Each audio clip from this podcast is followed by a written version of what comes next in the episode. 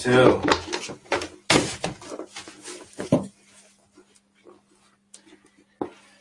Heel goed. Ik ga eens even kijken of het gelukt is met het live gaan, want dat is altijd wel even zoeken.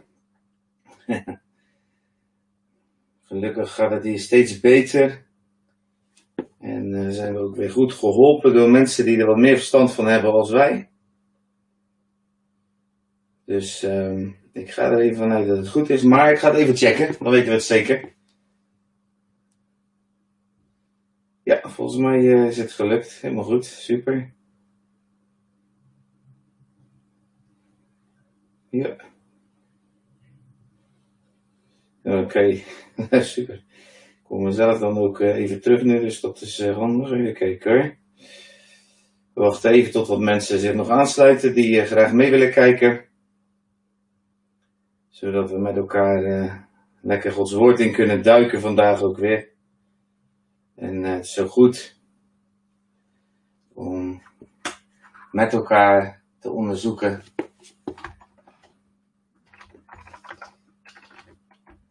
Geluid is oké hoor ik, nou dat is goed om te horen.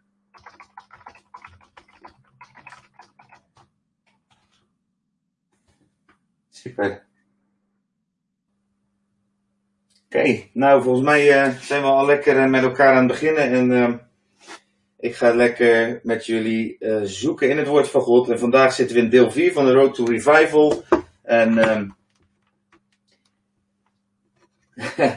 Iemand vraagt tips voor het vasten. Nou, die heb ik zeker wel. Ik zal je straks wel even een appje sturen. Hartstikke goed. Wat mooi dat je die stap neemt.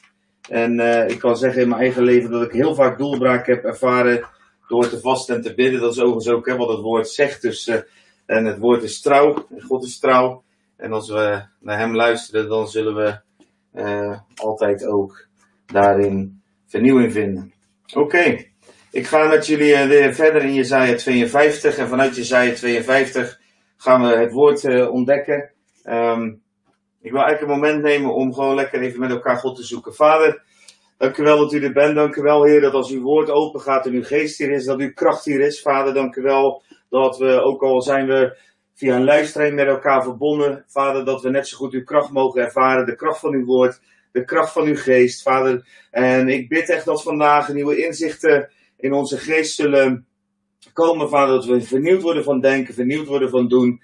En uh, Heer, we willen uw Heilige Geest zo uitnodigen en ruimte geven in ons hart om door uw woord en door uw waarheid dingen te bewerken in ons binnenste, waardoor we veranderen van heerlijkheid tot heerlijkheid. Vader, dank u wel dat we dit zo kunnen doen met elkaar. Hier een prachtig moment mogen hebben. En uh, ja, we vragen uw liefde en uw aanwezigheid in alle dingen. Vader, we vragen uw zalving op het spreken, maar we vragen ook uw ontvankelijkheid in het horen. Heilige Geest, u bent het ook die ons ontvankelijk maakt. Maak dat we honger en dorsten naar gerechtigheid. Dat we honger en dorst hebben naar het woord. Zodat dat in mag drinken en dat het vrucht mag voortbrengen. Zaad voor de zaaier en brood voor de eter. In Jezus' naam. Right guys, even kijken. We hebben een uh, mooie route al afgelegd in uh, Jesaja 52. En ik begin ook deze keer weer met Jezaja 52 opnieuw te lezen.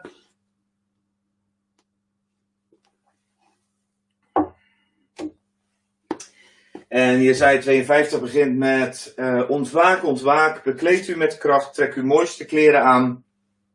Jeruzalem, heilige stad.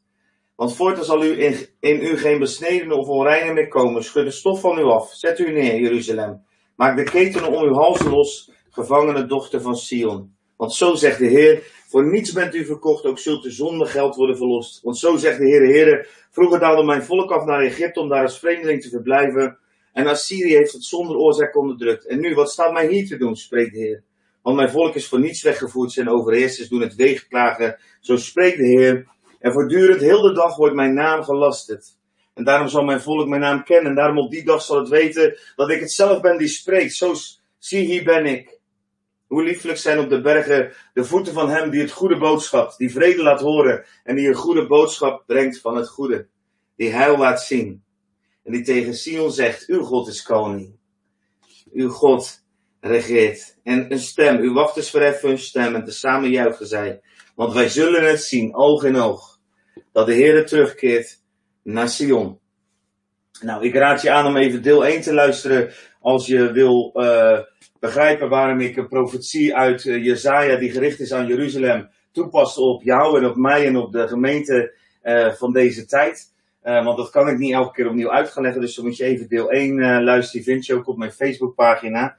En um, ik wil even heel kort de stappen door die we nu gedaan hebben. Dus ik geloof dat er in die Jesaja 52 een route verborgen zit naar een stuk persoonlijke revival. En met het feit dat jij persoonlijk herleeft, tot leven komt, meer in kracht gaat leven, meer gaat leven zoals je bedoeld bent, dan zal ook uh, alles om jou heen veranderen. En ik heb ook in deel 1 uitgelegd van de gemeente, van God, de kerk op deze aarde. En, en dat is een kerk zonder muren, want God kent geen kerkmuren is de optelsom van alle individuele gelovigen. Dus als jij tot leven komt, als ik tot leven kom, dan kom daarmee um, dat leven ook om de gemeente tot leven. En daarom is het belangrijk dat we met elkaar gaan zoeken naar sleutels om tot leven, om dat leven te ontvangen en het leven door te geven.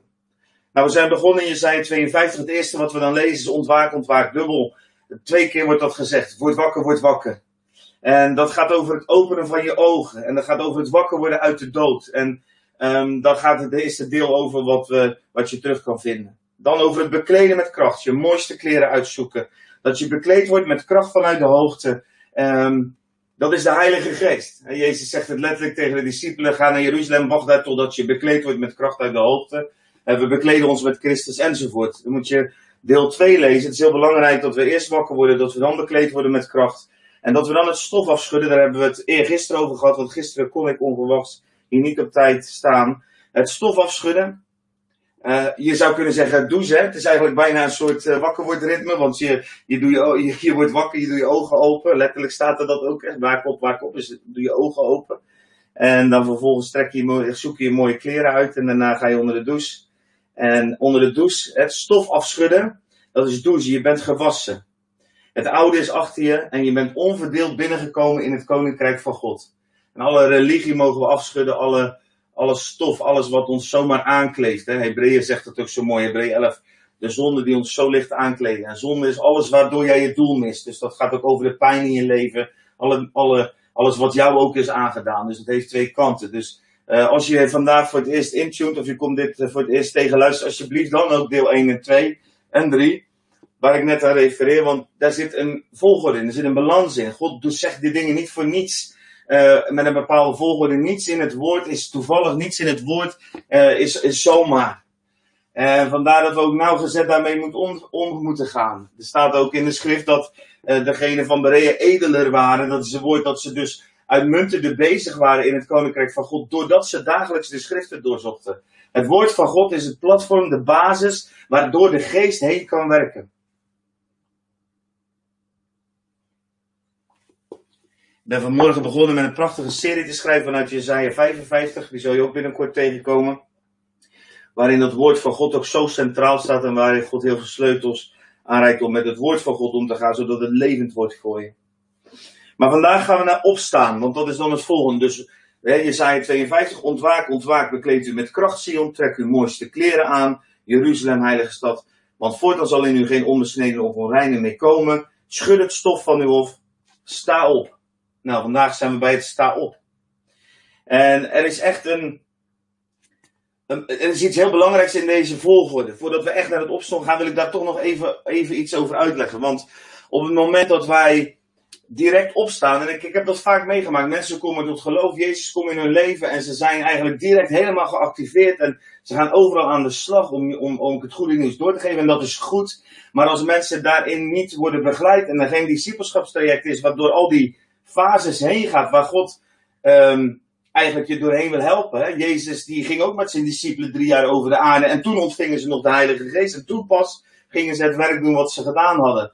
Toen Saulus, Paulus, die uh, uh, tot bekering kwam, uh, hij kende de schrift, hij was een schriftgeleerde, een fariseer en hij kende de schrift heel goed, maar hij ging drie jaar lang ging hij zich opnieuw toewijden om die schrift te lezen en om gediscipeld te worden voordat hij uiteindelijk in zijn bediening geactiveerd werd. Een bediening die hij direct al ontvingt, en ontving toen uh, en de handel zijn uh, principes, principes van God in het koninkrijk, dat als we die overslaan, dan zullen we ook vaak tegen een muur aanlopen. Dat zie ik dus ook in de praktijk vaak. Daarom is het zo van belang dat er veel bijbelscholen zijn, dat mensen geholpen worden, dat gemeentes oog hebben voor nieuwgelovigen, maar ook voor mensen die al heel lang geloven, met deze stappen niet doorgegaan zijn, maar bijvoorbeeld begonnen zijn bij uh, rennen, vliegen, presteren voor de Heer en tegen de muur aangelopen zijn en nu onverschillig in een bankje ergens achteraan zitten. Of mensen die überhaupt nooit wakker geworden zijn. Maar dan ga ik weer naar preek 1 en je bent van harte welkom om, uh, die, um, om die na te luisteren. Dus je gaat opstaan. Opstaan is een ongelooflijk belangrijk principe. Dus die volger is belangrijk en vandaag gaan we kijken naar het opstaan. Maar wat is nou het verschil tussen wakker worden en opstaan? Daarom staat er in Efeze 5, vers 14: Daarom zegt hij: Ontwaakt u die slaapt en sta op uit de dood, en Christus zal over u lichten. Let er dan op dat u nauwgezet wandelt, niet als dwazen, maar als wijzen. En buiten geschikte tijd uit, omdat de dagen vol kwaad zijn. Nou, in deel 1 ga ik heel erg op deze tekst ook in, maar vandaag wil ik je dit meegeven. Er is een verschil tussen ontwaken, tussen wakker worden en opstaan. Want je ontwaakt, u die slaapt, en je staat op uit de doden. Je ontwaakt uit je slaap, maar je staat op uit de doden. Het ontwaken is een verandering van je bewustzijn en van je bewustwording. Maar opstaan, waar we het vandaag over gaan hebben, waar we vandaag naar gaan kijken, is een verandering van je houding. Is een actie.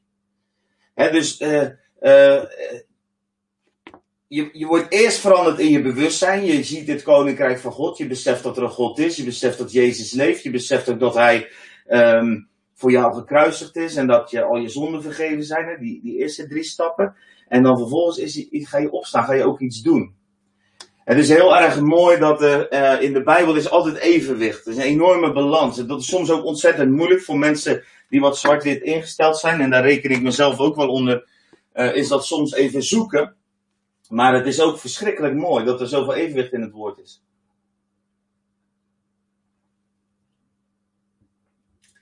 Dingen staan soms lijnrecht tegenover elkaar. Jacobus zegt bijvoorbeeld: geloof zonder de werk is dood.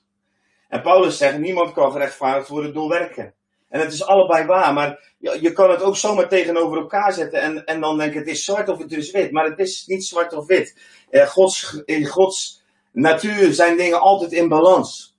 De vijand verzoekt Jezus in Lucas 4. Eh, en, in, en dan, vervol, dan legt hij hem vaak iets voor vanuit het woord. Maar Jezus antwoordt dan erop. Maar het woord zegt ook. Dus eh, Jezus brengt voortdurend die balans terug in het woord. Dus de, de vijand gebruikt of misbruikt het woord om Jezus uit te lokken. En Jezus weerlegt hem ook met het woord. Er is een eeuwige balans in het woord. Het is belangrijk om dat te beseffen.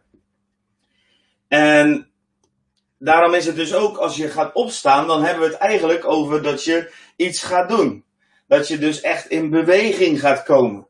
En dat is soms een heel lelijk woord bijna in uh, protestants Nederland. Want ja, hè, de werken en uh, ja, we zijn toch gerechtvaardigd uit het geloof. En uh, het gaat toch eigenlijk alleen maar om geloof. En, maar als ik de Bijbel lees en ik kan me niet aan de indruk onttrekken dat iedereen die de Bijbel serieus neemt, gaat merken dat in het woord een ontzettende roep ligt tot doen.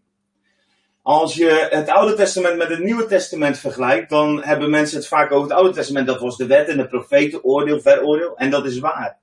En in het Nieuwe Testament is het genade, maar is het ook waarheid. En de waarheid is bijvoorbeeld dat in het Nieuwe Testament er maar liefst duizend opdrachten staan, duizend geboden zou je kunnen zeggen. Een wet van duizend, terwijl dat in het Oude Testament geloof ik maar 365 of 366 was. Dus genade legt ook een enorme verantwoordelijkheid in ons. Als wij genade ontvangen, heeft dat ook een verantwoordelijkheid op de manier waarop we in het leven staan, op de keuzes die we maken enzovoort. En als we daarin misgaan, als we fouten maken, ja, dan is er altijd die weg terug naar, naar God, naar Jezus. Dat is dus het grootste in het Nieuwe Testament, in het Nieuwe Verbond, is er altijd een weg naar Jezus terug. En is er altijd een nieuw begin. Terwijl onder de wet eigenlijk er altijd straf was en oordeel en er eigenlijk geen uitvlucht was. Nou, dat is eigenlijk het grote verschil ten opzichte van het Nieuwe Testament. Maar in het Nieuwe Testament valt de, de, de, het verlangen van God om jou te gebruiken in zijn koninkrijk is eigenlijk nog groter dan het verlangen van God in het Oude Testament dat mensen onder de wet zouden leven en zich aan de regels zouden houden. Want dat is nooit het verlangen van God geweest. Ik heb ook een aantal keren Jezaja 58 aangehaald. Maar God roept wel vaker van dit is niet het wat ik verkies. Ik, ik zoek naar barmhartigheid. Ik zoek naar echtheid. Ik zoek naar het feit dat je mensen helpt. He, God wil liefde, want hij houdt van mensen. Dus hij wil dat mensen elkaar lief hebben. Dat is in het Oude Testament hetzelfde als in het Nieuwe Testament. Alleen de weg terug naar, naar God, naar Jezus is, is anders geworden. Dus als je wakker wordt, ga je doen. Nee, sorry. Als je wakker wordt, word je je bewust dat je in een ander koninkrijk bent en dat je van een andere koning bent en dat je zonden vergeven zijn. En als jij opstaat, waar we het vandaag over hebben, sta op, dan ga je iets doen. Dan ga je bewegen. Spannend. Want het is misschien wel het allermoeilijkste. Het is misschien wel de grootste uitdaging. Ontwaken is anders gaan zien. Opstaan is anders gaan doen.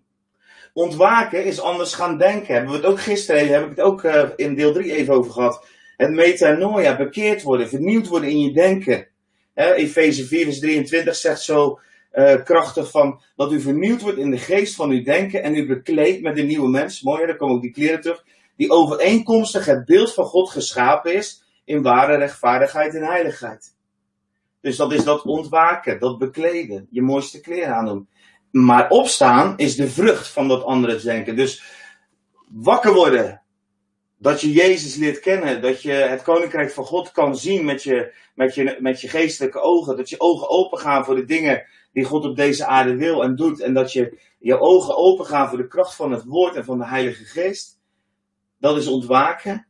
Maar opstaan is de vrucht daarvan. Is dat het ook zichtbaar wordt. Dat uh, als, als, uh, als, als je uh, dat allemaal als het ware ingedronken hebt als een medicijn, dat het ook zichtbaar wordt dat je genezing hebt. Als het woord gezaaid is in je leven, dat het ook zichtbaar wordt dat dat vrucht draagt. Dus opstaan is de vrucht van het anders denken en de mooie kleren die je aangedaan hebt. De gave van de geest, de vrucht van de geest, de liefde, kracht uit je leven voortkomt. Mooie tekst daarover is wat God heeft ons niet gegeven Hey Erika, blessings. God heeft ons niet gegeven een geest van vreesachtigheid, maar van kracht, liefde en bezonnenheid. Schaam u dan niet voor het getuigenis van de Heer. Dus als we op gaan staan, we gaan het doen, dan gaan we bewegen in kracht. En dan gaan we ons getuigenis geven. Dan gaan we kracht, liefde en bezonnenheid uitleven. En dan schamen we ons niet voor het getuigenis van de Heer. Het woordje in de grondtekst is kumi. En dat betekent opstaan, overeind komen, aantreden. Er is ook nog een hele andere mooie betekenis in dat woord. En die ga ik vandaag niet helemaal uitwerken, maar er zit iets prachtigs in. Dat betekent ook toevallen, toebehoren. Het toebehoren aan. En dat is hier eigenlijk een juridische term. Opstaan betekent ook dat je eigenlijk zegt, ja, ik behoor juridisch zo toe aan God, dat Hij een volledige beschikking heeft over mijn leven. Dat zit ook heel mooi in dat woordje verborgen.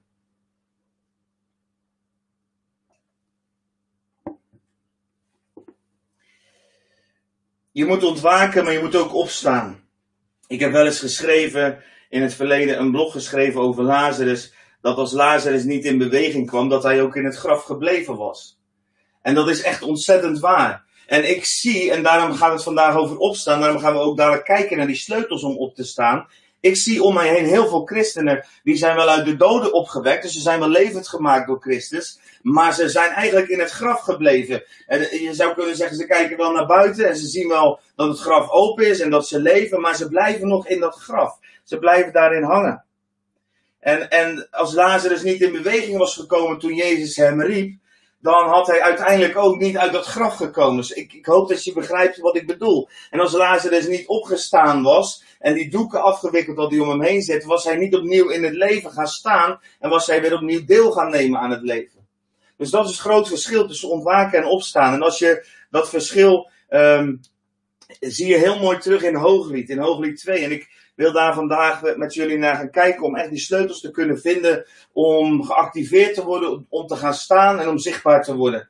En ik heb hier de afgelopen tijd op de School of Creative Revival ook een keer over gesproken. En ik denk misschien bij IM ook wel. Uh, omdat het iets is wat heel erg profetisch is voor deze tijd. We zitten in een fase waarin, dat, ik noem het echt een hooglied 2 tijd. Een tijd van zichtbaar worden.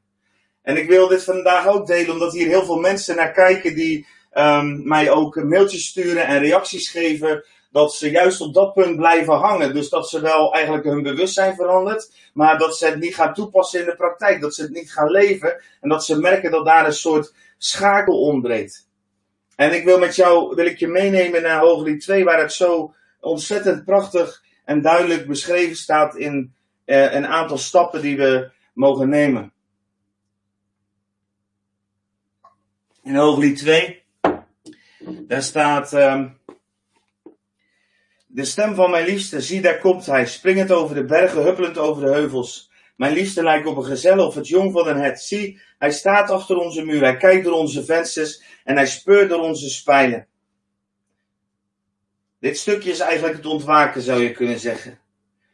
Zij hoort zijn stem, maar ze reageert er eigenlijk nog niet echt op. als, je, als je goed naar die tekst kijkt, dan, dan zie je dat ze, dat ze de stem van mijn liefde, Hooglied 2, pak het er maar even bij als je, uh, daar, als je een Bijbel bij de hand hebt. Ik zal heel even wachten. Ik denk dat het fijn is als je mee kan lezen.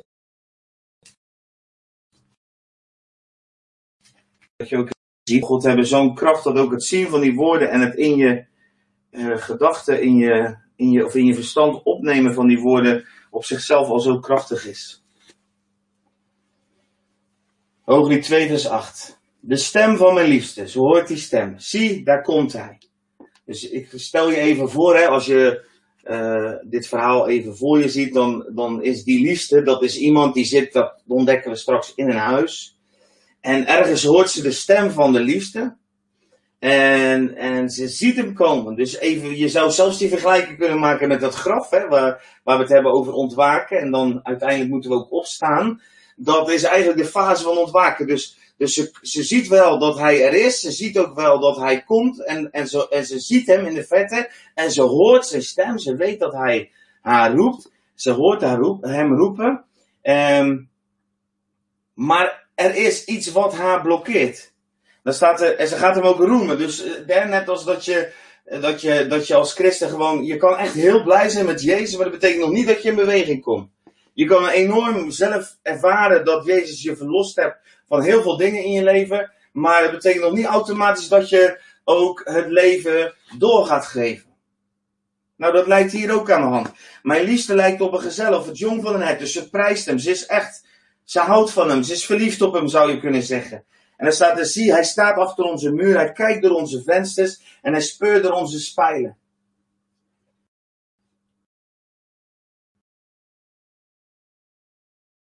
Dat plaatje van dat huis of te gaf in die rots, ergens een woning, zoals dat er vroeger uitzag, in, in het duister. Zij hoort zijn stem, ze ziet hem ook wel in de vette aankomen op de bergen en ze verlangt naar hem, want ze prijst hem, ze vindt hem mooi en, en ze ziet alle prachtige wat hij, wat hij is. En dan vervolgens komt hij dichterbij en wat staat er dan? Zie, hij staat achter onze muur, hij kijkt door de vensters en hij speurt door de spijlen. Dus klaarblijkelijk op het moment dat Jezus dus dichtbij. Het beeld van het gaat over Jezus en over jou. Simpel eigenlijk. Maar dat ben jij dus ook. Jij bent ook zijn gemeente, een onderdeel daarvan. Um, de stem van mijn liefste, zie, daar komt hij. En dan, en dan, en dan, je hoort dat verlangen, je voelt het, je ervaart het, hoezeer ze verlangt naar die ontmoeting met hem. En dan in één keer lijkt het wel, oh, je zou kunnen zeggen, zoals je wel eens in een film hebt, dat in één keer de scène wisselt. Want als ik het zo hoort, dan denk ik, nou, die, zij gaat hem tegemoet rennen. En hij komt daar vanaf die bergen. En dat is één grote ontmoeting. En ze gaat hem omhelzen. En ze gaat hem overdekken met kussen. En ze, en ze gaat met hem samen, gaat ze direct aan de slag. Maar wat gebeurt? Er gebeurt iets heel anders. Ineens in vers 9b, daar staat er, zie, hij staat achter onze muur. Hij kijkt door onze vensters en hij speurt door onze spijlen. Door de spijlen. Dat is toch vreemd? Dus klaarblijkelijk, verlangen is daar, hè? Dus, maar, maar, maar ze kan het niet.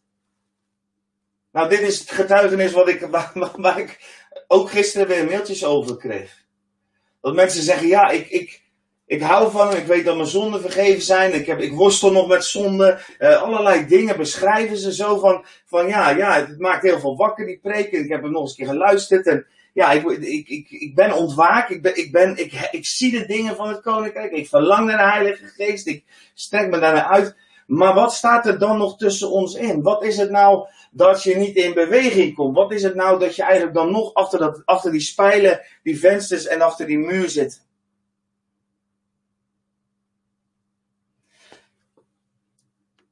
En ik wil ik ga hier nu niet heel uitgebreid op in, want het gaat mij eigenlijk over wat daarna komt als ze op gaan staan. Want dit is eigenlijk het proces van ontwaken, waar de afgelopen drie keer over ging. Maar waarom staat Jezus achter jouw muur? Wat voor muren zijn dat? Dat mag je gewoon zelf uitzoeken. Je mag het zelf vragen. Dan mag je gewoon zeggen, Heilige Geest, welke muren zijn het in mijn leven? Wat heb ik nog voor muren waardoor ik eigenlijk toch bang ben om in het licht te komen, waardoor ik toch bang ben om naar u toe te rennen? Je hier, wat je hier eigenlijk ziet is hetzelfde plaatje nog als wat we in het paradijs zagen, waar God in de avondkoelte kwam nadat wij voor het eerst hadden gezondigd als mensen, nadat we gekozen hadden om toch dat te doen waarvan God zei, doe dat nou, dat nou, dat ene, die ene boom, blijf daar nou vanaf, die van kennis van goed en kwaad, de boom van veroordeling, kies kruipen in de bosjes, verzamelen ons vaak. Uh, en, en, en, en, en je, mens, waar ben je? Mens, kom bij me. Dezezelfde vraag, dezezelfde schreeuw kom je eigenlijk hierin tegen. En, en zij trekt zich terug. Ze zit achter een muur. Ik weet niet wat, wat in jouw leven die muur is. Maar het kan inderdaad die muur van zonde zijn. Maar het, is, het kan ook een, muur van bitterheid of van teleurstelling zijn. Het kan een muur van angst zijn om, om, om voor gek te staan. Of het, kan een, het kunnen, allerlei muren zijn. Ik kan niet voor jouw leven bepalen wat die muur is. Maar er staat wel heel duidelijk in dit woord. Het is onze muur. En het is niet zijn muur. En wij werpen muren en schansen en bolwerken op. En daar zitten we dan achter. En klaarblijkelijk zijn wij niet in staat om daar doorheen te breken en naar buiten te komen. Maar hij staat daar. Hij staat geparkeerd achter onze muur. En die muur, in het Nieuwe Testament weten we, die muur is een leugen. En ook al stuur je mij een mailtje van ja, met zonde dit en dat. Eh, eh, eh, ga terug naar Jezus. Focus je op Hem. En die muren vallen weg. Aanbid. Net als het volk Israël bij Jericho. Ze gingen juichen, ze gingen zingen. En de muren stortten in. Zorg dat die muur verdwijnt uit je leven. Zorg dat er geen plaats is voor die muur in je leven. Want die muur is virtueel. Die muur staat nooit aan de is De enige muur die er kan zijn is onze muur. Wij opnemen. Of zullen wij doorheen moeten breken. Of dan zullen wij doorheen mogen wandelen. Want je zal zien dat als jij naar Jezus toe loopt, dan is die muur er niet. Het is onze muur. Het is een virtuele muur die bestaat alleen maar in ons denken. En ik zet je vrij in de naam van Jezus dat je door die muur heen zal wandelen. En dat je zal merken, hé, hey, die muur was er helemaal niet. Hé, hey, die zonde, die staat helemaal niet tussen jou en God in. Want Jezus heeft verzoening gebracht voor de hele wereld. Hij wil je wel helpen om van zonde af te komen. Hij wil je wel helpen om van je onverschilligheid af te komen. Of van je bitterheid, of van je boosheid. Of van je pornoverslaving, of van je drank. Weet ik veel wat voor dingen je mee worstelt die jouw leven eigenlijk kapot maken of klein houden. Of waardoor je niet tot bloei komt. Maar het is jouw muur. Het is niet de muur van Jezus. Bij Jezus bestaat die muur niet. En als je naar hem toe loopt, als deze vrouw zou, zou, zou hem tegemoet zou rennen. De bruid vanuit het hoogste, vanuit Hooglied 2. Dan zal ze merken, er is helemaal geen muur. Maar wij zijn vaak zo angstig.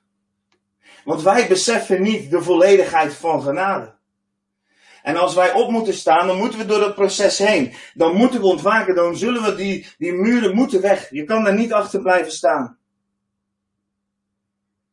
En hij kijkt door onze vensters. Er komen eigenlijk drie van die dingen eh, en daarvoor. Onze muur staat daar. Hij moet door de vensters kijken. En hij speurt door de spijlen voor je ziet, als je dat even veert in je denken, dan besef je om op die manier geconfronteerd te worden met wat wij voortdurend tussen hem en ons inzetten. Want hij wil maar één ding, en dat kom je straks tegen. Hij wil dat wij opstaan. Hij wil dat we naar buiten komen. Want hij weet al lang dat die regen er niet meer is en dat de zomertijd is gekomen en dat de bloemen buiten bloeien. Maar wat moet hij? Hij moet kijken door de vensters. We geven hem maar een klein beetje zicht in ons leven. En, en ik, ik, ik wil echt vandaag weer zo benadrukken, maar breek daaruit. Strijd te gaan boksen en vechten, een kwestie van een, van een keuze want die spijlen, die venster waar hierover gesproken wordt van, ach hij kijkt door een vensters. Wat is een venster? Een venster is iets waarmee wij het zicht belemmeren. ons huis staat niet wagenwijd open. Waarom zetten we ons huis niet wagenwijd open? Er is er niets verborgen voor hem. Niets, niets. Er is niets verborgen voor hem. Zijn oog ziet alles. En, en hij houdt gewoon van je. Ook al weet hij alles. Want hij kijkt naar jou door middel van zijn zoon en het offer wat zijn zoon gebracht heeft. En daarom moet jij, dan moet je je vensters wagenwijd openzetten. Je moet je deuren openzetten. Waar moet, waarom kijkt hij door vensters? Waarom belemmeren we het zicht? Waarom mag hij niet alles zien? Wat is die angst in ons? Die maakt dat we, dat we eigenlijk toch niet vanuit die bosjes, vanuit die rotskloof, vanuit dat graf waar we ontwaakt zitten te zijn, naar hem toe durven te gaan. Om met hem uit te gaan op avontuur in de wereld die wacht op het goede nieuws van de liefde van Jezus. Hij speurt door de spijlen. Gevangenschap. Zie het voor je, dat plaatje? Ik moet denken aan de Daltons, die wisten altijd wel een oplossing te vinden en belanden uiteindelijk toch weer achter de spijlen. Hij speurt door de spijlen. Als het ware zoekt hij jou in je gevangenis. Jij zit, waarin zit je gevangen? Wat is het wat jou terughoudt? Waarom komt hij spijlen tegen op het moment dat hij vanaf de bergen komt rennen en verwacht dat jij hem tegemoet komt rennen? Is het eenzaamheid? Zijn het twijfels? Soms is de gevangenis zo'n veilige plaats. Hè? Ik zeg dat heel simpel. Maar ik weet het ook vanuit mijn eigen leven. Dat de gevangenis een hele, hele veilige plaats kan zijn.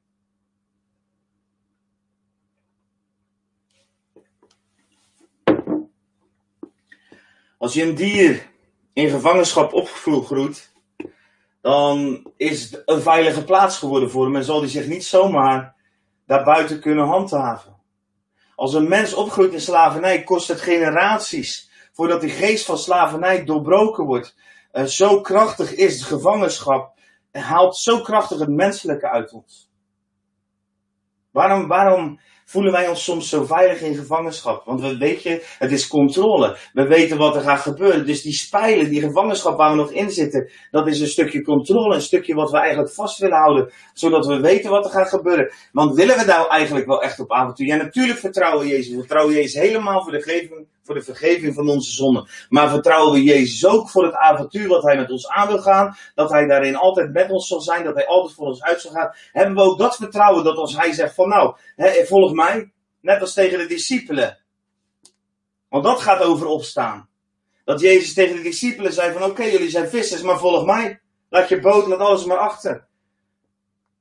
Die confrontatie komt ook zo duidelijk naar voren. Lucas 17 is dat geloof ik, met die jongeling, die rijke man, of Lucas 19, een van de twee. En dan, en dan komt Jezus naar hem toe.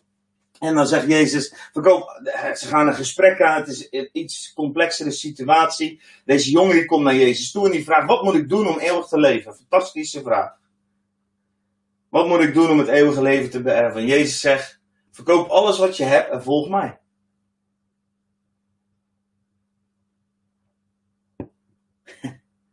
Die jongen zat achter de spijlen van zijn rijkdom.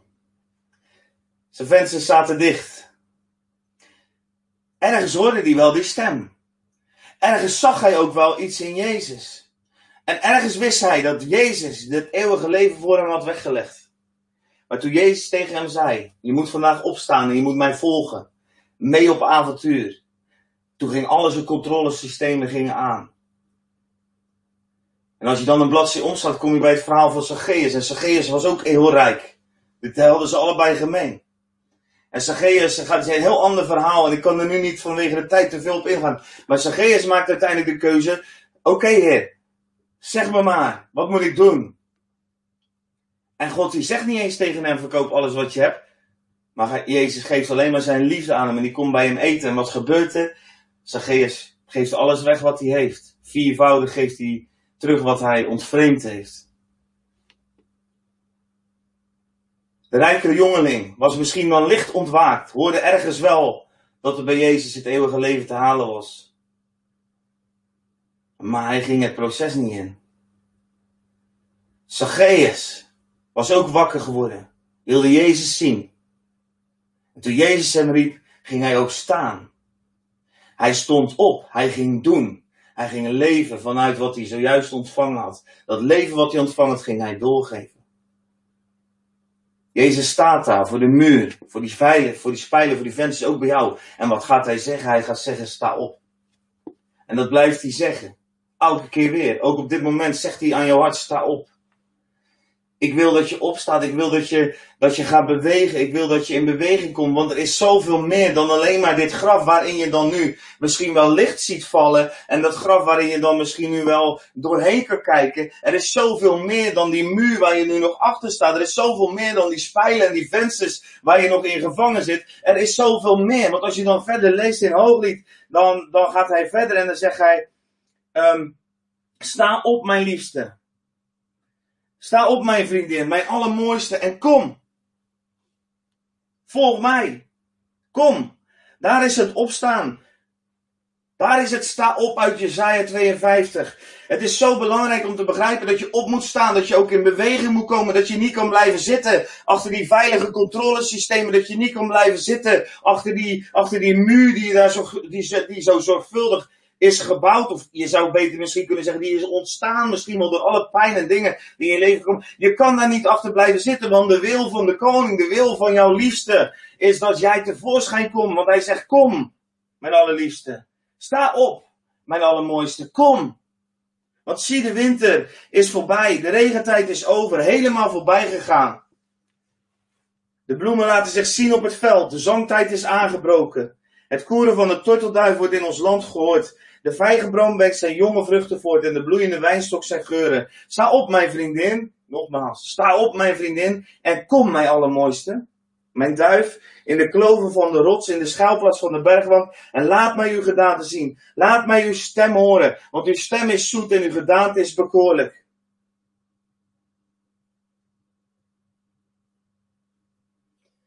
Je liefste roept vandaag, sta op en kom.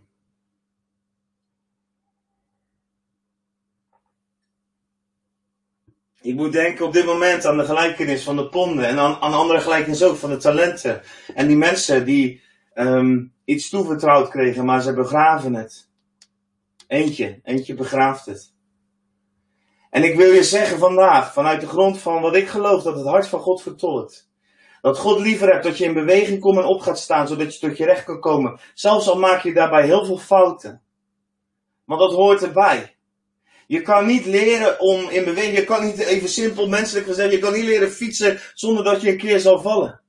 Je kan niet leren om het avontuur met Jezus aan te gaan als je bang bent dat je een keer iets fout doet. Je kan niet gaan profiteren en Gods stem vertolken als je bang bent om eens een keer een woord verkeerd te zeggen. Je kan geen zieken gaan genezen als je bang bent om ergens je hand op te leggen. Dat is wel heel grappig natuurlijk nu met de coronavirus, want we mogen niet eens meer de handen op mensen leggen. Maar, je, maar op handen zullen we de zieken leggen, ze zullen genezen. Van overheidswegen, van godswegen mogen we dat. Dat is zijn opdracht. Je kan niet in beweging komen, je kan niet in leven, je kan geen leven gaan brengen als je niet in beweging komt. Dus wat is Gods wil voor jou? Gods wil is niet dat jij daar blijft zitten in dat graf waar je dan half ontwaakt, uh, daar nog ligt. En, nee, Gods wil is dat je daadwerkelijk in beweging komt en dat je tevoorschijn komt. En waarom wil Hij jou zo graag zien? Omdat hij trots op je is. Ik ben eh, bijna 23 jaar getrouwd met mijn vrouw. We hadden eigenlijk deze week op vakantie gegaan naar Portugal om onze trouwdag te vieren. Maar helaas werd het geannuleerd. Het ging niet door vanwege het coronavirus wat is uitgebroken. Anders hadden we nu lekker op het strand gelegen. Tussen de prachtige goudgele rotsen. En daar saampjes lekker gevierd dat God goed is en dat Hij onze liefde bewaart, zelfs in moeilijke tijden.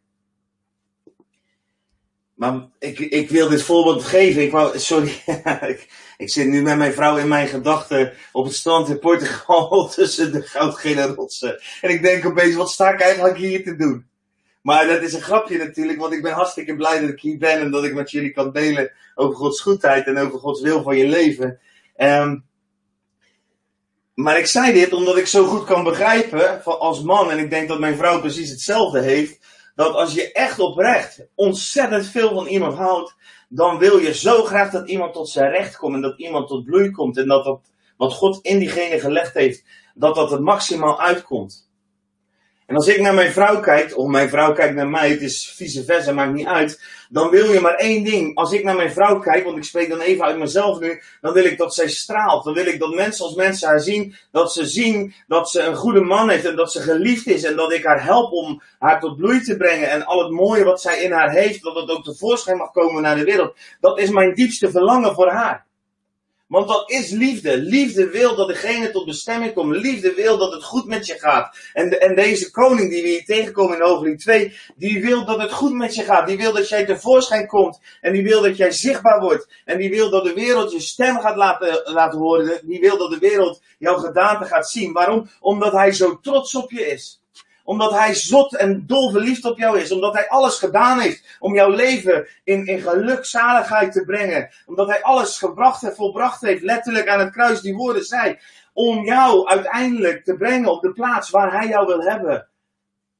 Hij is trots op je. En als een vader trots is op zijn dochter of op zijn zoon, dan wil hij dat andere mensen hem zien. En als jij trots bent op de geliefde, op je partner, dan wil je dat dat wat erin ligt, dat dat zichtbaar wordt in de wereld. Met heel je hart. Dat is misschien wel mijn grootste passie voor mijn vrouw. Is dat.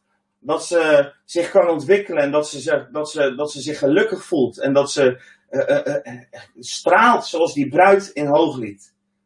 Zo kijkt Jezus ook naar ons. Zo kijkt Jezus ook naar zijn gemeente. En hij weet, daar hoort bij dat je opstaat.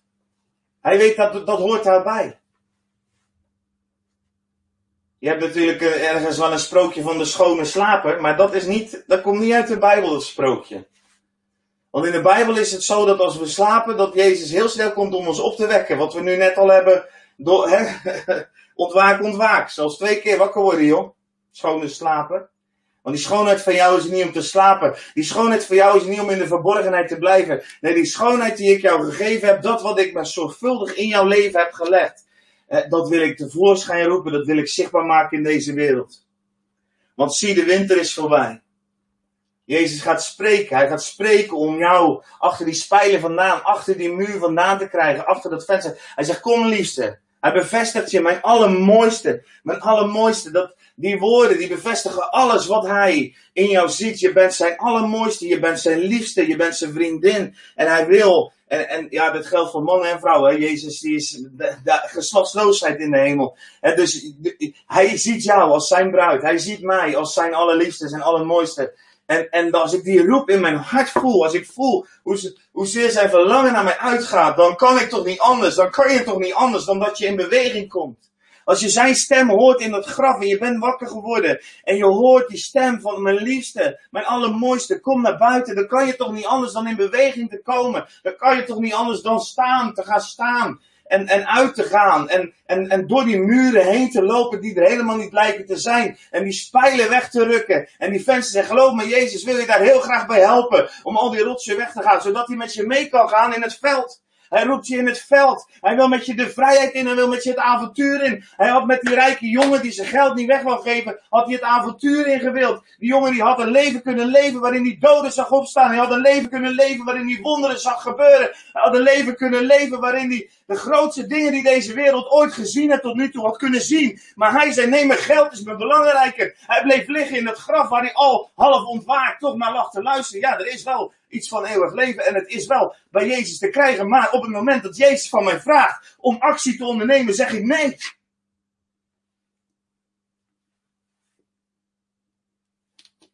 Op het moment dat God actie aan jou vraagt om actie te ondernemen, om op te staan, om in beweging te komen, om niet heel woke in de grave te blijven liggen, maar zichtbaar te worden aan de buitenwereld.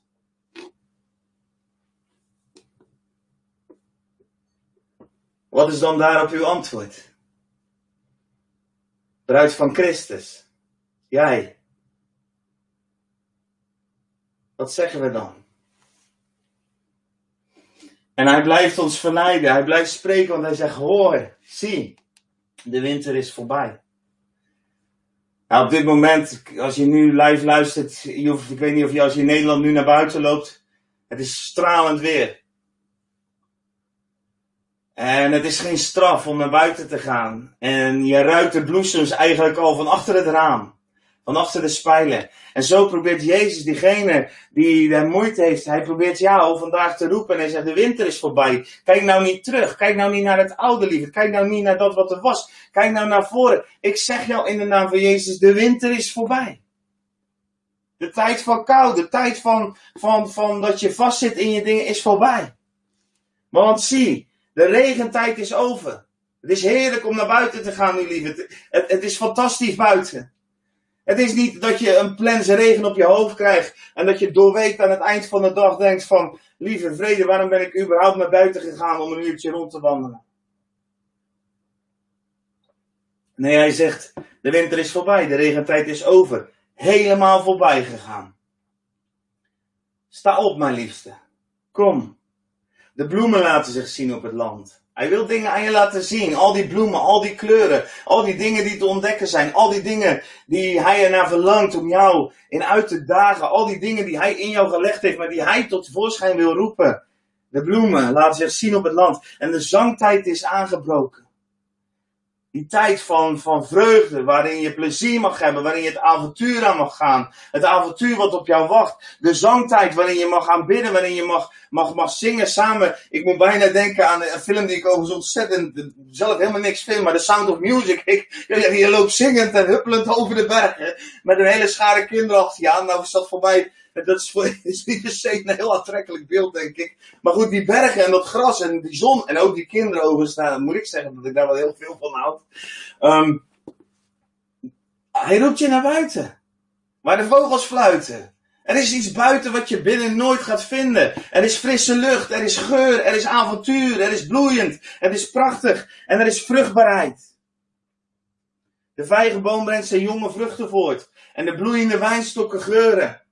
Hij neemt je mee in zijn wijngaarden. Hij neemt je mee in de vijgenboom. De olie van de Heilige Geest wil gaan stromen. De vijgenboom is het beeld van, van de olie. De olie wil gaan stromen. De jonge vruchten, de jonge olie. De, de, de jonge wijn, de nieuwe wijn, de bloeiende wijnstokken, geuren. Hij wil je mee naar buiten nemen, zodat dingen kunnen gaan stromen vanuit jouw leven. Zodat je kan gaan zien, zodat je kan gaan proeven, zodat je kan gaan smaken wat goed is. En zodat je door kan gaan geven. Wat doe je daar in de schuilplaats van de bergwand, zegt hij dan. Mijn duif in de kloven van de rots, in de schuilplaats van de bergwand. Hij gaat weer even terug naar dat beeld waar jij achter die muur, in die spijlen, achter dat venster zit. Als een duif die ergens in de kloven van die rotswanden zit. Stel je zo'n rotswand voor. Ja, dan zit ik weer in Portugal met mijn hoofd. Nou, het is wel erg vandaag. Daar zie je dat overigens ook. Dan zie je die vogeltjes, die zie je in en uit die rotsen gaan. Vaak kleine hollen, kleine holtes in de, in de rots. En dan zitten ze half verborgen. En als je niet goed kijkt, dan zie je ze niet.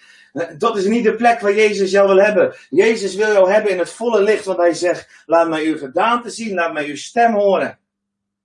Hij wil jou zien, hij wil zien. Hij wil jou zien om je te laten zien. Hij wil jou horen om je te laten horen. Want je stem is zoet en je gedaante is bekoorlijk. God wil dat we opstaan. En ik moet alweer gaan eindigen. Maar ik wil je dit nog meegeven. Opstaan is actie. Opstaan is in beweging komen. Sta op. Die woorden gaan in de Bijbel vooraf aan actie. Jezus sprak heel vaak sta op. Als je de mogelijkheid hebt, moet je maar eens gaan zoeken in je Bijbel-app. Hartstikke leuk om al die, die, die momenten van opstaan te kunnen vinden. Opstaan komt voor actie. Tegen Filippus zegt de Heer, en engel van de Heer sprak tot Filippus, zei, sta op, ga naar het zuiden. De weg op die van Jeruzalem afdaalt naar Gaza, die eenzaam is. Handelingen 8 vers 26. En wat gebeurt er? Filippus staat op. Wat gebeurt er als Jezus morgen tegen jou zegt, sta op, kom vanochtend je stofzuiger vandaan en loop naar die vrouw daar op dat bankje zoals die tegen mijn vrouw heeft gezegd. Wat, wat, wat gebeurt er morgen met jou als die, net zoals hij tegen mij zegt, sta op en ga tegen diegene, die collega van je, ga vertellen wat ik je vannacht heb laten zien over die persoon. Wat ging er gebeuren toen Filippus op ging staan en hij ging dat avontuur en hij ging naar die weg toe waar Jezus van zei, sta op en ga daarheen. Hij maakte een prachtig avontuur mee. Hij, hij, ontmoette daar iemand die, die tot op de dag van vandaag ervoor zorgt dat het christendom in Ethiopië uh, voortleeft. De eerste bekeerling van buiten de Joden op dat moment, die uit Ethiopië kwam. Dat was het avontuur. Hij ging die man dopen, midden in de wildernis. En vervolgens werd hij weggenomen, ging hij weer verder. En bevond hij zich in een hele stad die hij tot geloof heeft gebracht. Samaria. Wat wil je? Wat wil je voor avontuur? Ik heb hem eerder gehaald, Ananias. In Handelingen 9. Handelingen 9, dat zegt, 9 vanzelf, dan zegt Jezus, sta op.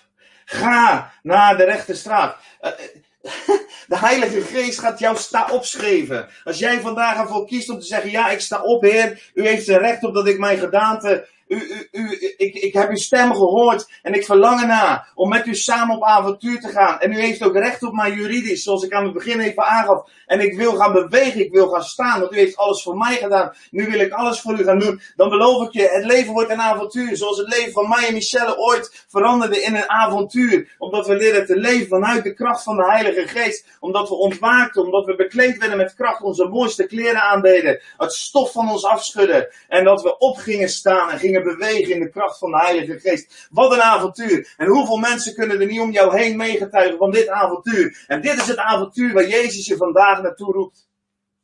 Sta op, zei hij tegen Ananias. En wat maakte Ananias mee? Hij ging zijn hand opleggen bij iemand die blind was. En die zat in de rechte straat. En hij was daar. En, en hij mocht vertellen wat diegene ging doen. En diegene heeft de hele wereld veranderd. Tot in Spanje toe het evangelie gebracht. En in Italië. En dat jij vandaag gelooft, is mede te danken aan die Paulus. Eén sta op. Bij één gewone man. Ananias. Geen bijzondere man. Een gewone man. Net als jij en ik. Overigens zegt de Bijbel, Elia was zelfs een gewone man, net als jij en ik. Want er zijn geen gewone mensen. Want op het moment dat de bovennatuurlijke kracht, het bovengewone in onze natuur komt, het bovennatuurlijke in onze natuur, worden wij ook bovennatuurlijk. Dan zijn we heel bijzonder. Niet wij zelf, maar de kracht van God die in ons woont en door ons heen werkt, maakt ons bijzonder. Hij zegt tegen jou vandaag, Jezus, lieverd, kom uit die rotskloof. Blijf daar niet langer verborgen zitten als een grijze duif tegen een grijze rots aan. Maar kom met me mee. Dan gaan we de bloemenvelden in. Dan ga je nieuwe geuren ontdekken. Ga je nieuwe kleuren zien. En mensen mogen jou gaan zien. Mensen mogen je stem gaan horen. Want jouw stem is zo belangrijk. Jouw stem.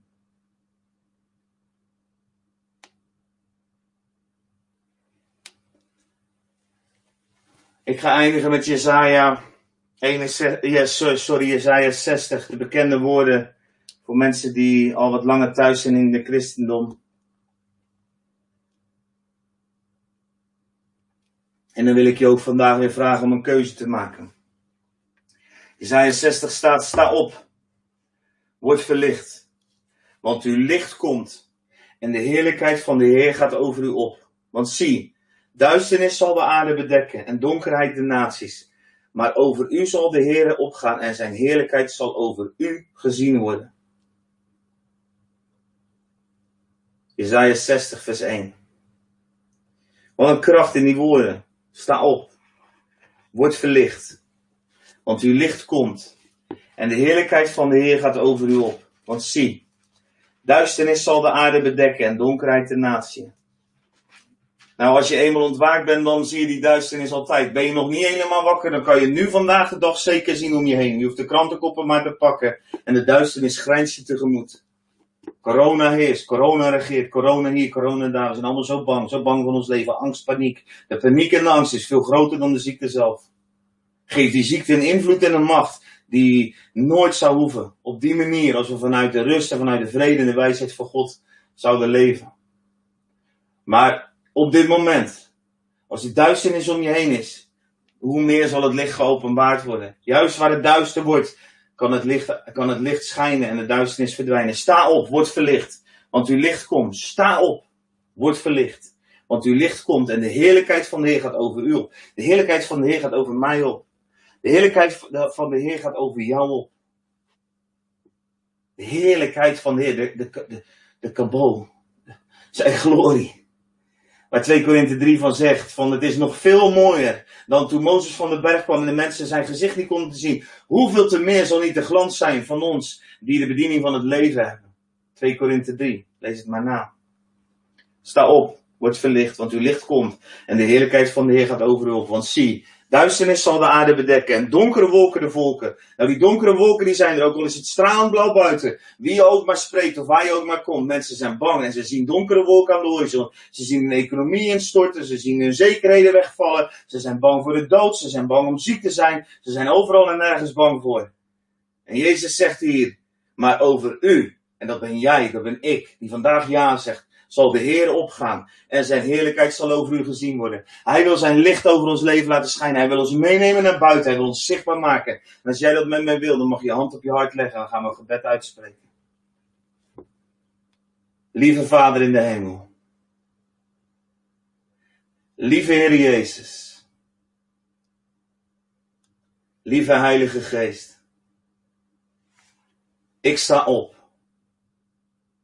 En u mag mij verlichten. Ik sta op. Ik kom tevoorschijn. En ik negeer die muren, die vensters, die spijlen. Ik kom tevoorschijn. Ik sta op. En u mag mij verlichten en ik wil uw heerlijkheid ontvangen. Zodat ik een licht zal zijn in de duisternis. Zodat ik een tegengeluid zal zijn van die donkere wolken. Heer, ik sta op. Ik wil in beweging komen. Ik wil het avontuur met u aan. En ik wil daarvoor doen wat u van mij vraagt. En dank u wel dat u mij daar de kracht voor zal geven door de Heilige Geest. Dat de heerlijkheid van de Heer over mij op zal gaan. En dat uw heerlijkheid over mij gezien zal worden. In Jezus' naam. Amen.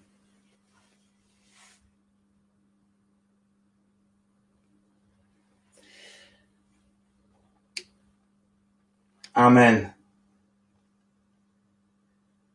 is grappig, ik heb nu een verlangen om jullie de handen op te leggen. ik voel de kracht van God in mijn handen en ik wil jullie op dit moment zo bedouwen als je die keuze gemaakt hebt van ja, ik ga staan. Ik wil, ik wil revivalist zijn. Ik, oh, ik wil je zo graag bekrachtigen. En dank wel, Heer, dat u gewoon werkt, ook door de, de livestreams heen, Vader. Voor u maakt het allemaal niet uit. U bent geest, u bent God. En wij ontvingen de Heilige Geest voordat er ook zelfs maar ooit iemand ergens onze handen opgelegd had. Kwam hij gewoon in onze woonkamer. En ik bid de kracht van de Heilige Geest uit over jou op dit moment. Supernatural power, de supernatuurlijke, bovennatuurlijke kracht van God. In onze natuurlijke tekortschietende levens. Maken dat de heerlijkheid van de Heer over ons gezien zal worden. Sta op. Kom in beweging. In de naam van Jezus. Het was fijn met jullie te zijn. Ik ga straks nog even kijken ook naar um, de vragen eventueel. Zal ik straks even doorlopen. Geef ik nog even antwoord. Ik zal ook de teksten er even delen die ik gebruikt heb. Voor zover ik die nog terug kan vinden. Want ik, niet alles wat, ik, wat God onderweg langs brengt heb ik van tevoren neergezet. Uh, morgen gaan we verder. Wordt heel interessant. Is heel grappig. Mijn zoontje. Die maakte die plaatjes. Die jullie op Facebook ook. En uh, voor die filmpjes met dat open graf en dan Road to Revival. En dan staat er altijd onderin deel 1 en deel 2 en deel 3. En uh, hij helpt mij daarbij, want uh, hij heeft nu ook wel tijd over, zeg maar. En ik, ik heb niet zo heel veel tijd over, helaas. Nou ja, gelukkig, want dat betekent dat ik nog steeds werk heb. Prijs God daarvoor. Maar uh, hij had die plaatjes gemaakt en hij had deel 4 en deel 5 had hij omgewisseld. En ik had het hem wel goed opgestuurd. Deel 4 is opstaan en deel 5 is zet u neer. Maar in zijn superlogische denken uh, ga je eerst uh, zitten en ga je dan pas staan. Dus hoe opmerkelijk is het dat volgens Jezaja er staat, uh, sta op en dan daarna zet u neer. Nou, dat ga ik je morgen uitleggen, want het is zeer essentieel dat als wij leren opstaan en leren te bewegen, dat we ook leren hoe we onszelf weer neer mogen zetten. Be blessed voor nu. Ik hou van jullie. Morgen zijn we hier ook weer, ben ik hier weer om half elf. Het is overigens zomertijd, dus vergis je niet een uurtje. Morgen om half elf, dan zijn we er als IM, als community, als gemeente. En dan hebben we met elkaar livestreamen. Natuurlijk ben je daar van harte welkom bij. Maar zoek ook lekker je eigen community op. Want uh, je hebt elkaar juist nu ook heel hard nodig als je met elkaar verbonden bent. En ik uh, ben er dan uh, verder met de Road to Revival. Ben ik er maandag weer. En dan gaan we in volle vaart verder. Nou, ik hoop, ik zie dat ik al een uur bezig ben. Ik hoop dat ik jullie niet vermoeid heb. En duik in het woord van God. Lees hopelijk nog een keer na. Lees Jesaja 52. Lees Jesaja 58 uh, over uh, wat het betekent om op te staan. Um, duik lekker in het woord van God. Er is zoveel rijkdom in. Ik hou van jullie. Be blessed. Thanks.